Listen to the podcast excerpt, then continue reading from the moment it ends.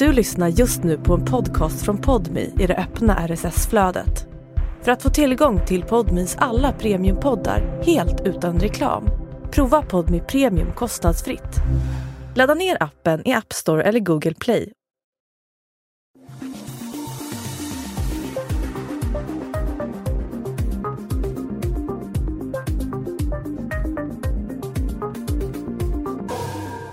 Sommar 1973 är varm och härlig. I Trollbäcken ligger folk i sina trädgårdar och solar.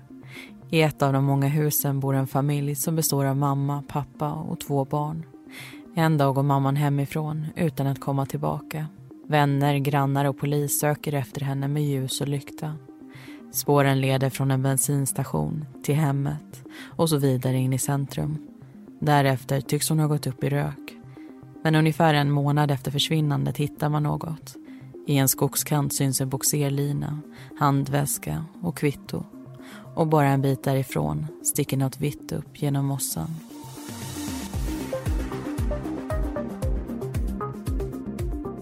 Du lyssnar på Mordpodden, en podcast om den mörka verkligheten. I det här avsnittet ska du få höra berättelsen om Trollbäckensmordet.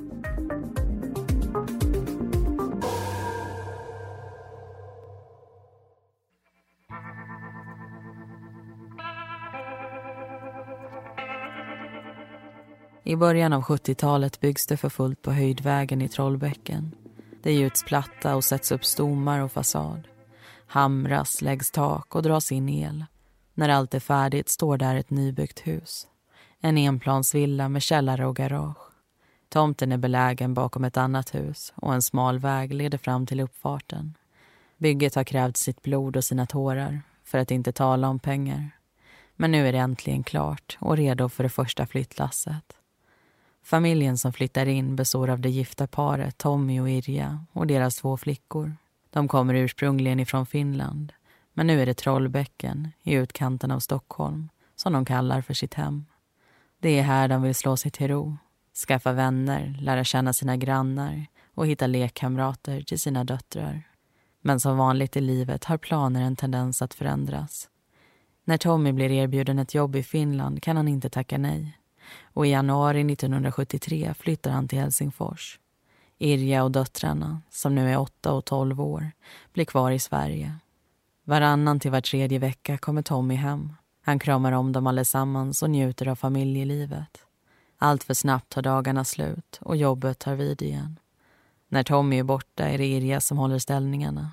För henne är familjen allt. Flickorna och så Tommy. Hon skulle göra vad som helst för dem för att de ska ha det bra. Hon är en bra mamma, lugn och lite tillbakadragen ibland men också en kvinna med bra självdriv. Behöver någonting fixas sitter inte Irja och väntar på att någon annan ska ta tag i det. Istället gör hon slag i saken och tacklar problemet. Hon och Tommy har pratat om jobbet i Helsingfors och vad det betyder för framtiden. Efter en diskussion kom de överens om att huset på Höjdvägen ska säljas och att de alla ska bo tillsammans i Finland. Vinterslask byts ut mot blommande träd och gröna gräsmattor. I slutet av maj kommer värmen och vår blir till sommar. Om någon månad går flyttlasset och det är mycket som ska hinna fixas innan dess. Huset ska tömmas och städas, gamla abonnemang sägas upp och man ska fixa med allting för flickorna som nu behöver byta skola. Att göra-listan är full och Irjas dagar handlar om att beta av så mycket som möjligt. Går allting smidigt kan flytten vara hanterbar men stöter de på problem så kan det snabbt bli jobbigt. På morgonen den 2 juli kliver Irja utanför dörren och går ner till garaget som ligger i källaren. Bilen står utanför garageportarna och Irja hoppar in i förarsätet och vrider om nyckeln. Det välbekanta brummandet kommer inte. Bilen vill inte starta. Efter ett par försök bestämmer sig den 38-åriga kvinnan för att gå ner till en närliggande bensinstation. Irja pratar med föreståndaren där som säger att det nog är ett elektroniskt fel. Det är ingenting de kan hjälpa henne med. Men hon får telefonnumret till en man som kan det. Lite senare på dagen när Irja är hemma igen plockar hon upp telefonluren. Signalerna tjuter och snart hörs en röst i andra änden. Rösten tillhör Axel, en verkstadsägare och bilmekaniker i stan. Och Irja berättar om problemen med sin bil. Axel förklarar att han har fullt upp men innan de lägger på har Irja ändå lyckats övertala honom att komma förbi och titta på bilen. En stund senare ringer det på dörrklockan. Irja hämtar bilnycklarna och kliver ut för att möta Axel. Han har med sig en testlampa och efter en snabb inspektion inser han vad problemet är. Strömmen går som den ska till motorn men det har blivit ett överslag. Kortslutning. För att fixa det behöver bilen tas in till verkstad. Irja tycker att de ska göra slag i saken på en gång. Boxera in bilen och få det överstökat. Hon plockar fram en tvättlina. Det får bli en improviserad boxerlina eftersom hon inte har en sån. De kopplar samman bilarna och Axel startar den enda motorn som fungerar. Han trycker på gasen och börjar rulla när linan går av. Irjas bil åker tillbaka den lilla biten vandrat. Irja ber Axel att vänta. Hon ska kolla med grannarna om de har någon riktig boxerlina. Snart knackar de på hemma hos Ola och Jeanette. Ola är på jobbet, men Jeanette ber henne att stiga på. Medan grannen letar passar Irja hennes son. När Jeanette kommer tillbaka är beskedet negativt. De har inte heller någon boxerlina vad hon kan hitta. Irja går tillbaka till Axel. Hennes äldsta dotter är på väg till badet och hon säger åt den tolvåriga flickan att vara hemma igen om en timme. Sen ber hon Axel om skjuts in till centrum. Hon byter om och tar med sig en handväska och en shoppingbag. Sen hoppar hon in i den gula Volvon och Axel kör. När klockan är två på eftermiddagen är den äldsta dottern hemma igen. Precis som hon lovat sin mamma. Huset är olåst, men Irja är fortfarande iväg. Dottern bestämmer sig för att vänta på henne utomhus. Det är trots allt en varm och skön sommardag. Efter ett tag kommer någon hem. Men det är inte Irja, utan hennes andra dotter. Hon har varit och lekt med grannbarnen. Tiden går, men mamma Irja dyker inte upp. När klockan är runt halv fem går flickorna hem till Jeanette.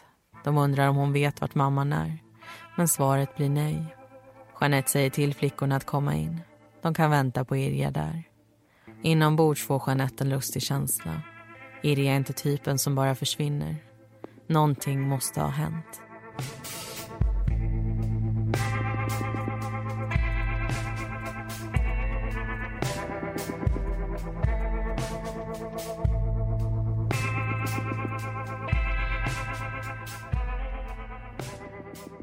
Och där fick vi precis höra den första berättelsen i det här fallet. Och vi blev lämnade med väldigt mycket frågor. Men det har ju blivit dags att diskutera det här precis som vanligt.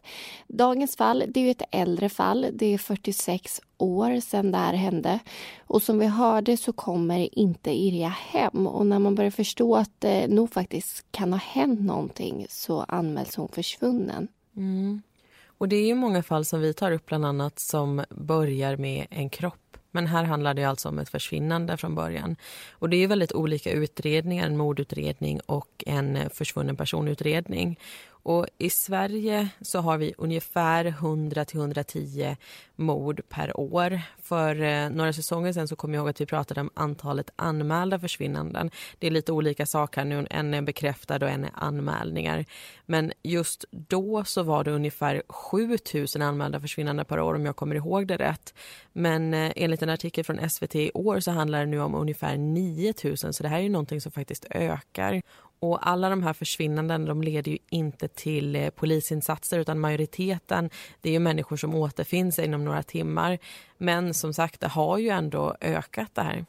Och man ska komma ihåg att oftast är det ju inget brott som ligger bakom försvinnandet utan det kan istället handla om depression, självmordstankar, demens, psykiska funktionsvariationer till exempel. Och enligt SVT siffror så är 30 till 40 procent av de som anmäls försvunna personer som har anmälts försvunna tidigare. Och av 9 000 anmälningar så leder ungefär 400 till stora räddningsinsatser. Och 97 procent av de försvunna personerna hittar man och 3 procent förblir försvunna. Och med det så, så menar man att de fortfarande är borta efter två månader. Och polisen de har ett register på de här 3 procenten och där registret sträcker sig från 1951 fram till idag, alltså 2019. Och det är ungefär 800 personer som finns med där. Mm, det är ju alltså det är väldigt mycket personer kan jag tycka. Och Vi ska prata lite om också vad som händer när en sån här anmälan om försvinnande kommer in. För Det första som polisen gör när de får tag i en det är ju att försöka få in mer information om fallet och och eh, personen som det handlar om. Så de pratar ju med anmälaren, de pratar med grannar, vänner, kollegor. De försöker förstå vem den här försvunna personen är och vad det är som också kan ha hänt den. Och det ställs alla möjliga frågor. Har eh, personen försvunnit tidigare? Har de missbruksproblematik? Är de deprimerade? Hur ser familjelivet ut? Vad hade de på sig för kläder? Hur ser de själva ut? Och sen så gör man ju så att eh, man kontaktar sjukhus och ser om det är någon som matchar beskrivningen som kan finnas där. Och sen läggs också den här personen in i NEPU, vilket är polisens efterlysningssystem. Och beroende på den här informationen som man får in så tas ju vidare beslut. Och antingen så kan man välja att exempelvis lägga ner utredningen eller så kan man gå vidare och det kan leda vidare till en sökinsats exempelvis. Och de här sökinsatserna kan bestå av poliser, militär, olika organisationer och även privatpersoner som vill hjälpa till. Och vi har ju pratat om Missing People tidigare, något som de flesta känner till och som har dykt upp återkommande i våra avsnitt. Men det finns ju fler organisationer som gör sådana här eftersökningar. FIK, alltså FIKK, är en av dem och den här förkortningen står för Frivilliga insatser vid kris och katastrof. Som man hör på namnet hjälper de till vid just kris och katastrof, alltså inte bara vid försvinnanden. Men de jobbar precis som Missing People tillsammans med polisen och har ungefär 125 insatsledare som är utbildade i eftersök. De har tillgång till över 900 operatörer av drönare och 100 100 hundekipage. Och de jobbar även med eh, kalla, alltså gamla fall. Och jag tycker det är så bra att det finns såna här organisationer, att man utbildar personal så man kan jobba effektivt, att det tas ett sånt ansvar kring att hitta människor som försvinner från sina liv. Men också att det är så många privatpersoner som är villiga att gå ifrån sina jobb och hjälpa till att leta efter någon som de troligtvis aldrig har träffat. För när någon försvinner så vet vi att varje minut är viktig och varje minut innebär också en väldig oro hos de anhöriga. Och man kanske själv inte ens är i skick att leta även om man vill det. Och då är det jättebra att andra kan kliva in och hjälpa till. Och om försvinnandena fortsätter att öka, vilket det ser ut som, så kommer det också behövas mer och mer, alltså sådana här organisationer och människor som hjälper till. Och på tal om just försvinnande så ska vi tillbaka till Irjas fall. Vi ska nu få höra hur man går vidare efter den här anmälan för att förhoppningsvis hitta henne.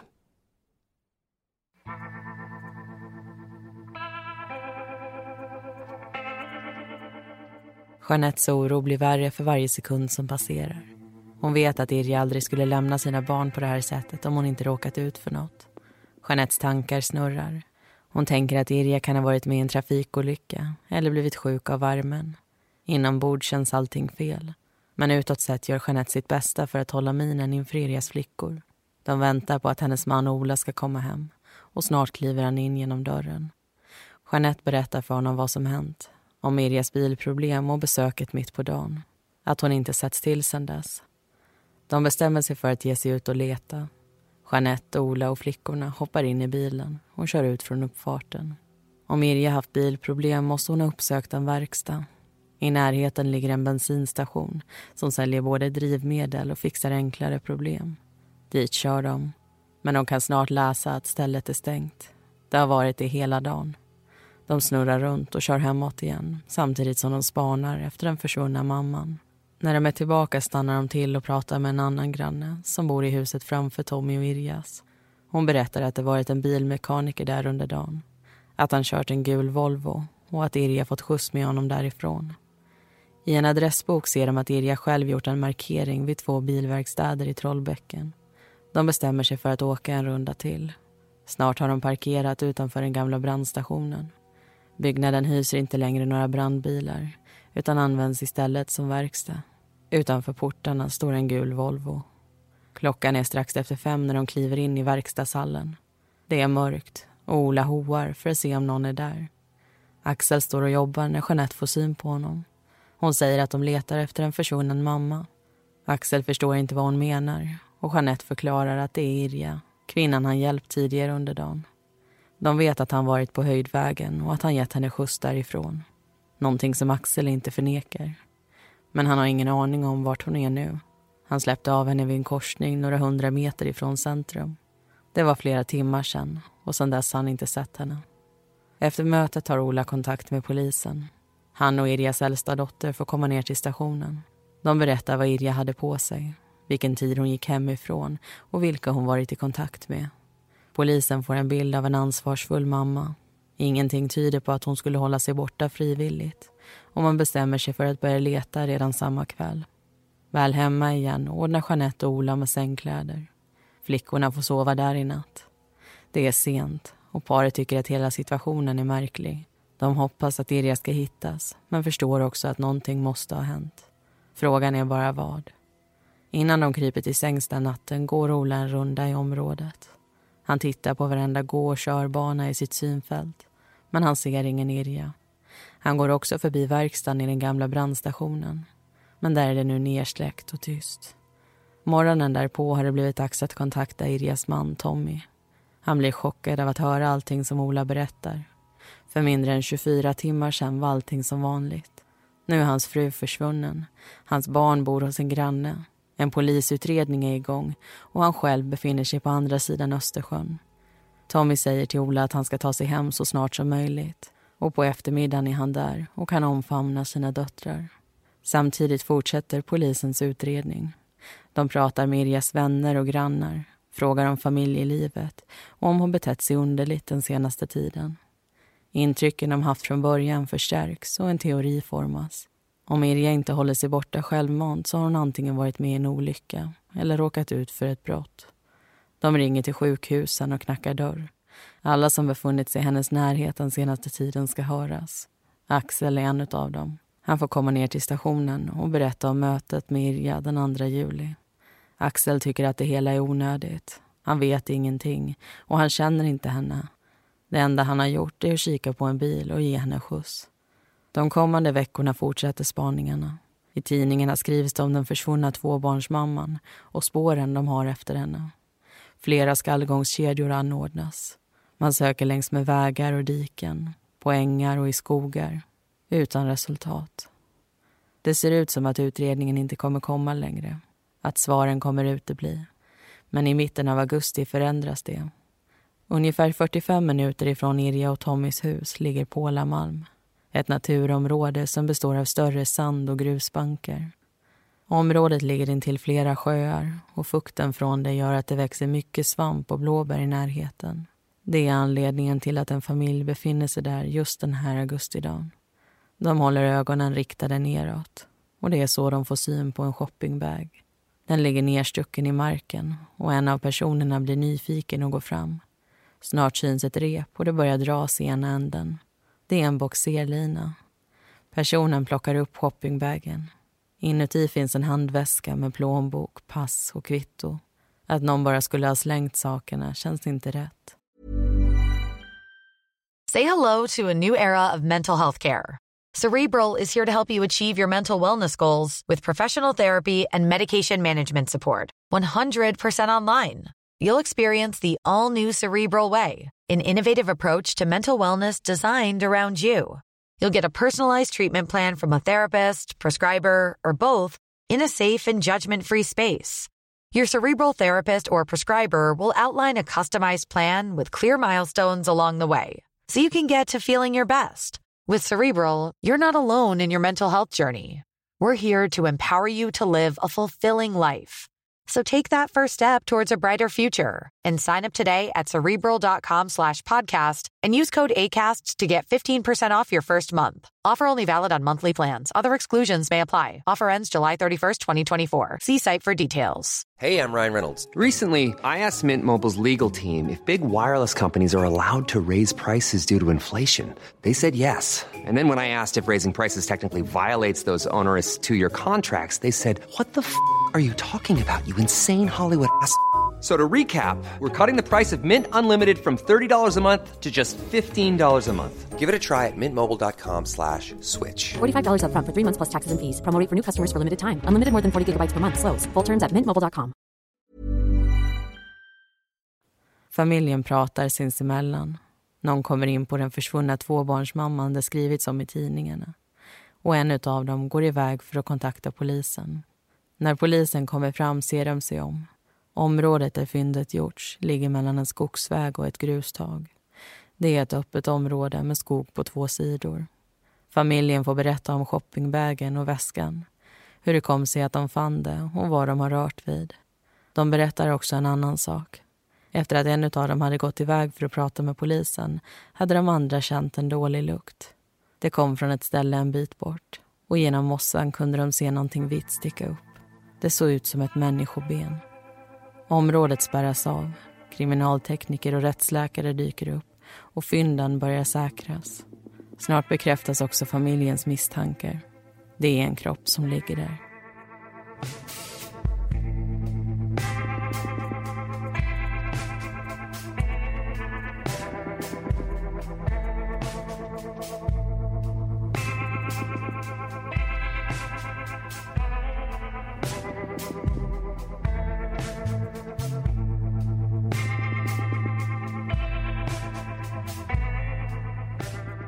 Då har det alltså blivit dags att diskutera det här fallet återigen. Och det är ungefär 10% av de som försvinner som sen hittas döda och Iria är alltså en av dem. Och nu är ju inte mord den vanligaste anledningen bakom försvinnanden men här verkar det alltså handla om det. Man har hittat en kropp och snart förstår man att den tillhör just Iria. Och jag tänkte vi ska prata lite om också vad man hittar i Pålamalm, alltså den här platsen där Irjas kropp återfinns.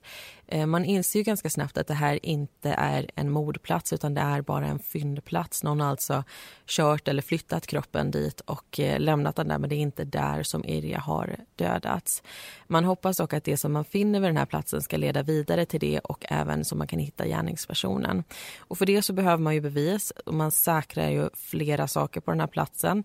Dels den här shoppingbagen men också en handväska som ligger inuti den. Och I den här handväskan då hittar man plånbok, man hittar pengar, man hittar pass och lite olika papper.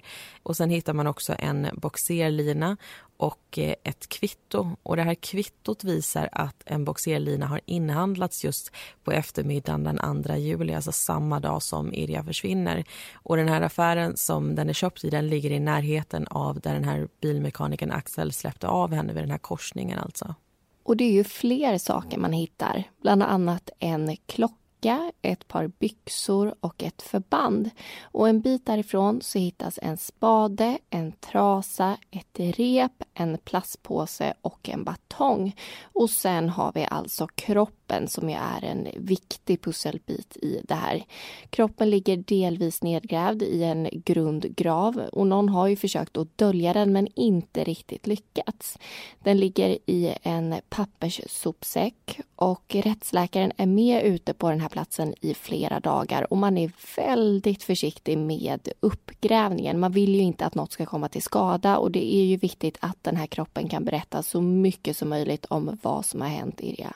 Och man får ju också en hel del svar efter att eh, man gör en obduktion när den här kroppen har kommit in till rättsmedicin. Och det man hittar det är ju delvis sprickor i skallen. Nu pratar vi om ansiktet och även i bakhuvudet. Hon har utsatts för väldigt kraftigt och trubbigt våld. Hon har också skador på sitt struphuvud och i halsen som tyder på att att hon har blivit strypt antingen med händer eller med ett rep. Sen är det flera fynd som är eh, svårtolkade också för den här kroppen har ju legat i skogen en månad när den kommer in och eh, det är mycket som har hänt. Skadorna i huvudet kan man säga de är dödliga men själva dödsorsaken den kan man faktiskt inte slå fast. Och själva bevisningen försöker man gå vidare med och titta närmare på. Man vill ju leda den här utredningen framåt.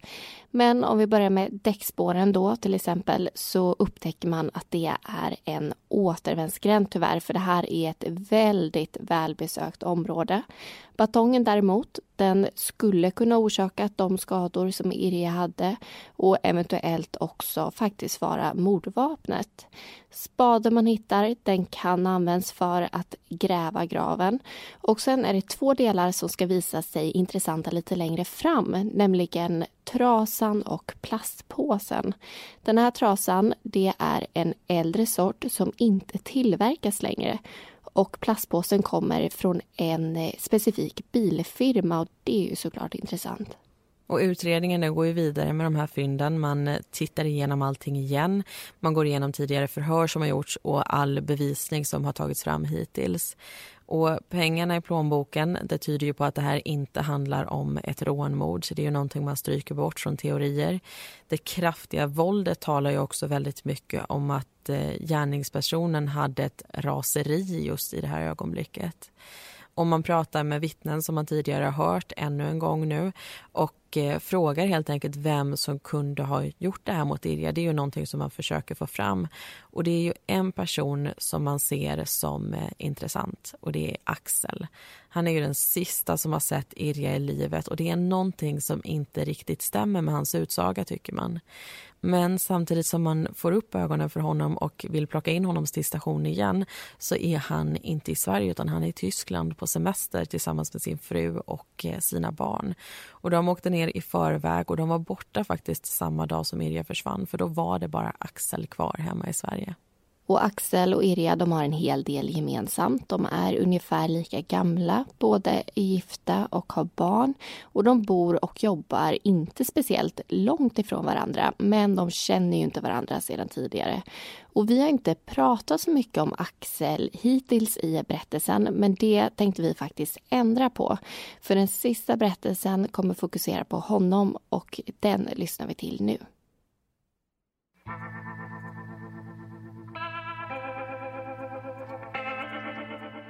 Verkstaden i den gamla brandstationen har inte alltid varit Axels.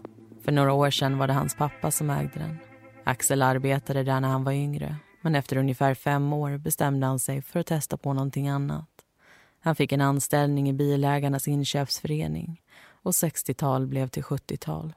Men en dag fick Axel motta dåliga nyheter. Hans pappa hade fått en hjärtinfarkt. Det var allvarligt och pappan var tvungen att lyssna på sin kropp och dra ner på tempot. Verkstaden fanns det varken tid eller ork för. Men det fanns jobb att göra och kunder inskrivna i kalendern.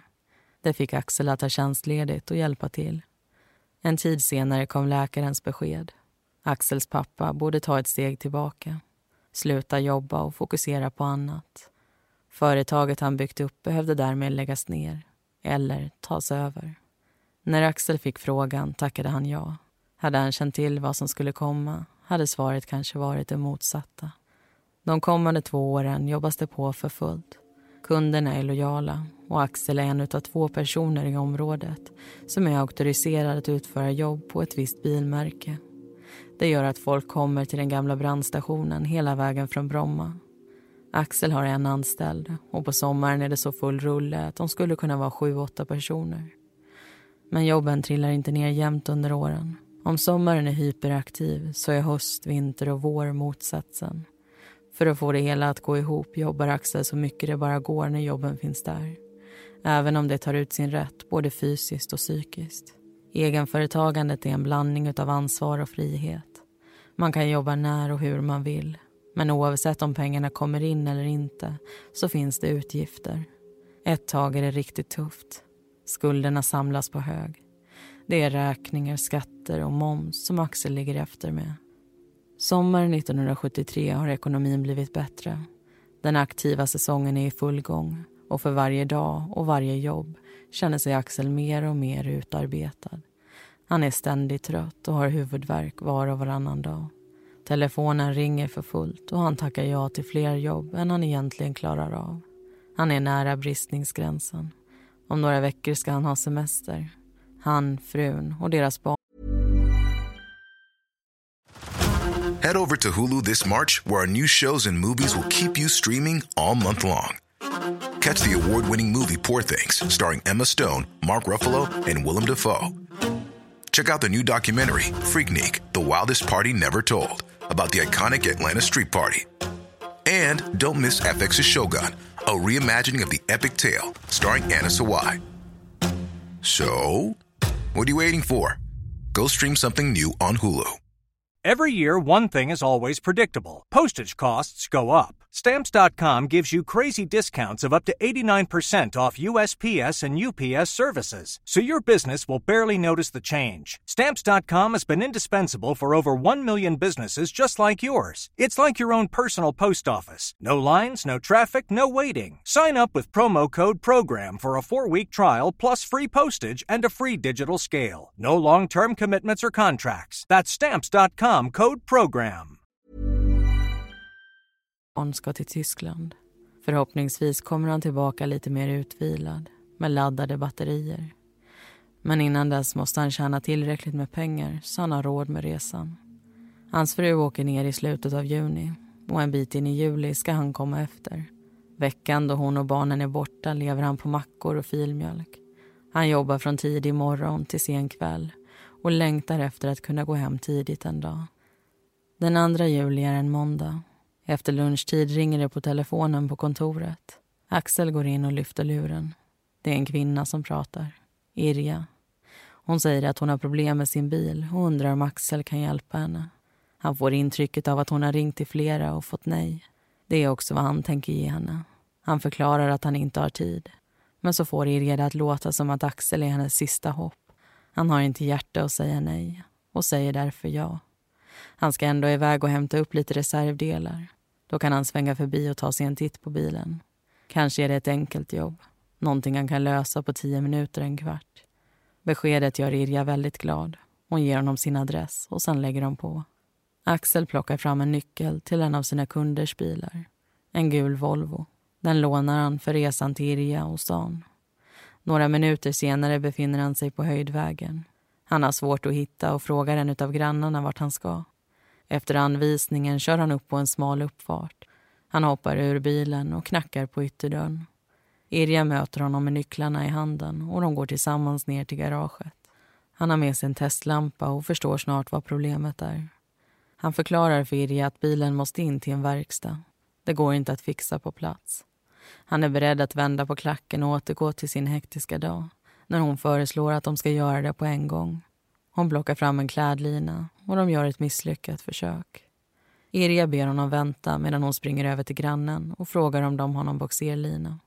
Axel säger okej, okay, men det måste gå snabbt. Han har annat att göra. Sekundvisaren tickar. Minut efter minut passerar. Axel vill egentligen bara åka därifrån men eftersom han lovat att vänta är det det han gör. För varje tick i klockan växer dock hans ilska. Han har bättre saker för sig än att vänta på någon. Och risken att han måste jobba över även ikväll blir större och större. Efter ett tag dyker Irja upp igen. Det känns som att hon har varit borta i en evighet. Men troligtvis rör det sig om 5 till 20 minuter. Någon boxerlina har hon inte heller. Axel förklarar att han måste åka nu. Han kan fixa bilen senare i veckan eller veckan därpå. Irja säger att hon vill med. Hon springer in och hämtar väskan och hoppar in i passagerarsätet. De kör mot motorvägen och han släpper av en i en korsning. Sen åker han själv vidare för att hämta reservdelarna och så tillbaka till verkstaden. När han kommer dit står en kund och väntar. Han plockar in bilen, fixar det som ska fixas och räcker tillbaka nycklarna.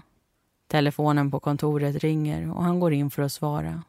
Precis när han lägger på kliver Irja in genom dörren. Hon står på andra sidan kunddisken och visar upp en nyinköpt boxerlina. Det är det sista strået. Axel blir vansinnig. Han öppnar munnen, väller ur sig ett par grova ord och ber henne argt gå därifrån. Irja blir helt tyst och bara tittar på honom. Mannen som sagt ja till att fixa hennes bil. Som gett henne skjuts och lovat att hjälpa. Nu när boxerlinan är köpt kan de ju få in den till verkstaden. I hennes ögon löser hon ett problem. I hans skapar hon ett. Axel är trött, irriterad och frustrerad. Han ville komma hem tidigt idag men inser att det inte kommer att hända. Irja och hennes bil är inte problemet. Det är bara en sak för mycket. När hon samlat sig efter utskällningen går Irja fram och tar tag i Axels arm. Hon säger att det inte tar så lång tid. Och nu kan Axel inte hålla tillbaka längre. Hennes envishet, jobben som ligger på hög, räkningar som aldrig slutar komma och en ekonomi som tycks falla i bitar om man tittar bort för ett ögonblick blir för mycket. Alla känslor han hållit igen slås ihop. Han känner inte att han fattar ett beslut. Det som händer härnäst bara händer. På kunddisken står en tom glasflaska. Han sluter fingrarna om den och slår mot Irjas huvud. Slaget är hårt och Irja faller bakåt in i en vägg. När Axel ser henne börja resa sig upp och bege sig mot dörren springer han runt disken. Om hon berättar vad han har gjort är allting över. Så istället för att låta ett misstag vara just ett misstag begår Axel flera. Han tar tag i Irjas arm och drar henne längre in i rummet. Hon försöker ta sig loss när han plockar upp en batong och slår henne. Han fortsätter att slå tills hon ligger stilla på golvet. Då lägger han fingrarna mot hennes hals men han känner aldrig det där välbekanta dunkandet. Det rinner blod över golvet och Axel sliter fram en förbandslåda och försöker stoppa flödet. När det inte fungerar tar han en duk från ett bord och en handduk från toaletten. Alla dörrarna till verkstaden är öppna och plötsligt blir han rädd att någon ska kliva in genom portarna vilken sekund som helst. Han drar därför bort kroppen till ett rum där han laddar batterier. Han närmast kastar in den och springer sen för att hämta hennes handväska och en sko som trillat av. Golvet torkas och overallen likaså. Allt går fort.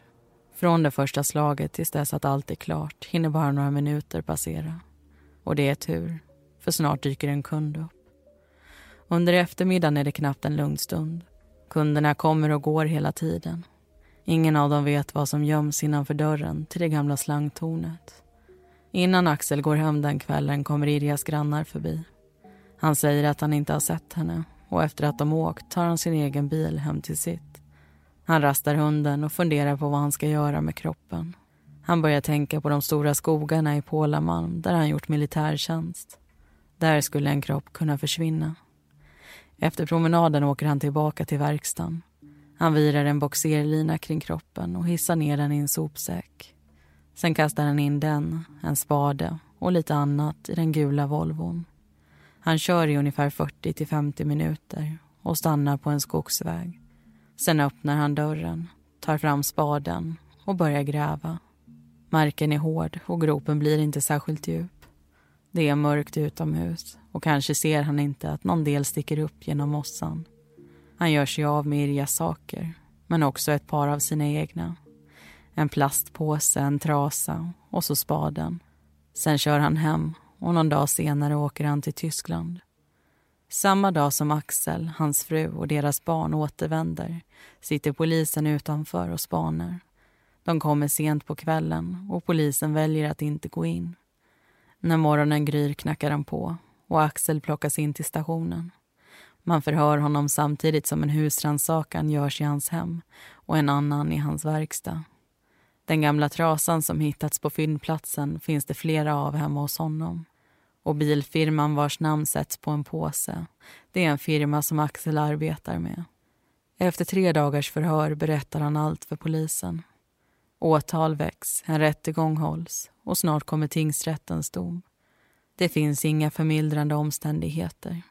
Påföljden blir livstidsfängelse och den 29 september 1973 jordfästs Sirja på Tyresö kyrkogård. 26 år senare får hon sällskap av sin gärningsman. Hans aska sprids på minneslunden och det enda som förblir av de båda är minnen.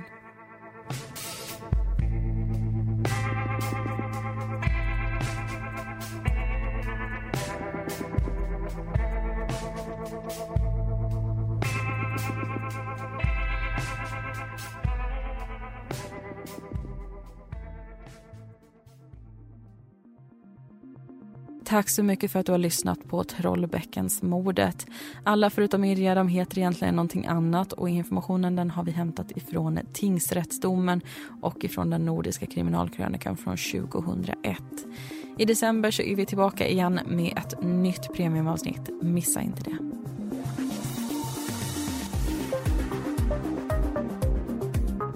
Vi som gör Mordpodden heter Linnea Bolin och Amanda Karlsson.